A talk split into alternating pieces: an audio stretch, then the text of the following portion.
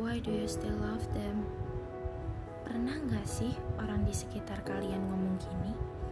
Sahabat kalian atau keluarga kalian mungkin?